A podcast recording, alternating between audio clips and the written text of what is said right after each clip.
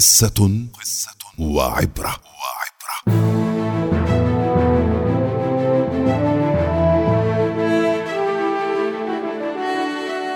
يحكى أن حكيما كان يتجول في الغابة مع تلميذ له. يتناقشان في أهمية مواجهة الكوارث غير المتوقعة وكان رأي الحكيم أن كل شيء يدور حولنا. يعطينا الفرصة لنتعلم أو لنعلم. وعندها عبرا أمام بوابة مزرعة صغيرة.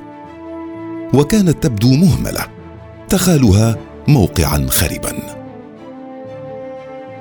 قرعا باب المزرعة فاستقبلهما أصحاب المزرعة زوجان مع أطفالهما الثلاثه والجميع يلبس ثيابا رثة قذرة. قال الحكيم لصاحب المزرعة كيف يمكنك أن تعيش في وسط الغابة حيث لا أسواق تبيع المنتجات حولك؟ فأجاب الرجل بمنتهى الهدوء يا صديقي عندنا بقرة تنتج لنا بضعة لترات من الحليب كل يوم نبيعها وهكذا نعيش. وعند خروج الحكيم وجد البقرة خارجا ترعى فقال لتلميذه خذ البقرة وقدها إلى الجرف المنحدر على الجبل وادفعها لتسقط في هوة الجرف.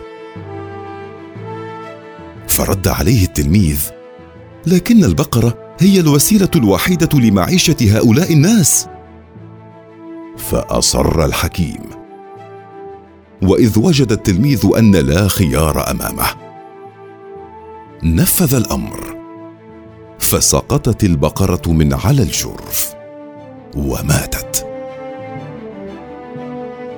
ظل المشهد محفورا في ذاكرة التلميذ الذي وبعد سنوات عديدة وبعد أن صار رجل أعمال ناجح عزم على العودة إلى العائلة ليسألهم المغفرة وليقدم لهم المعونة المادية تكفيرا عن ذنبه.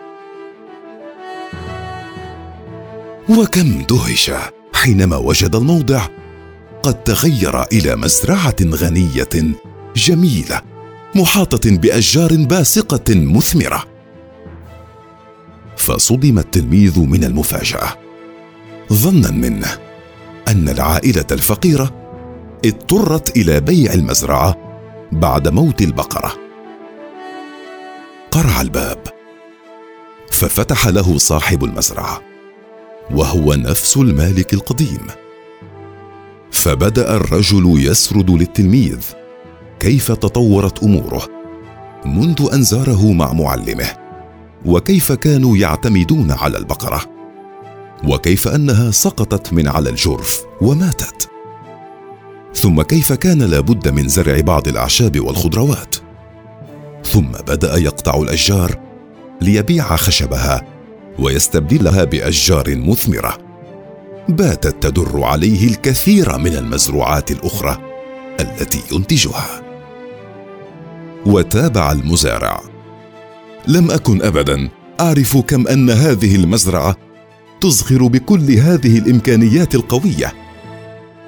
كان موت البقرة ضربة حظ فتحت أمامه ابوابا عديدة.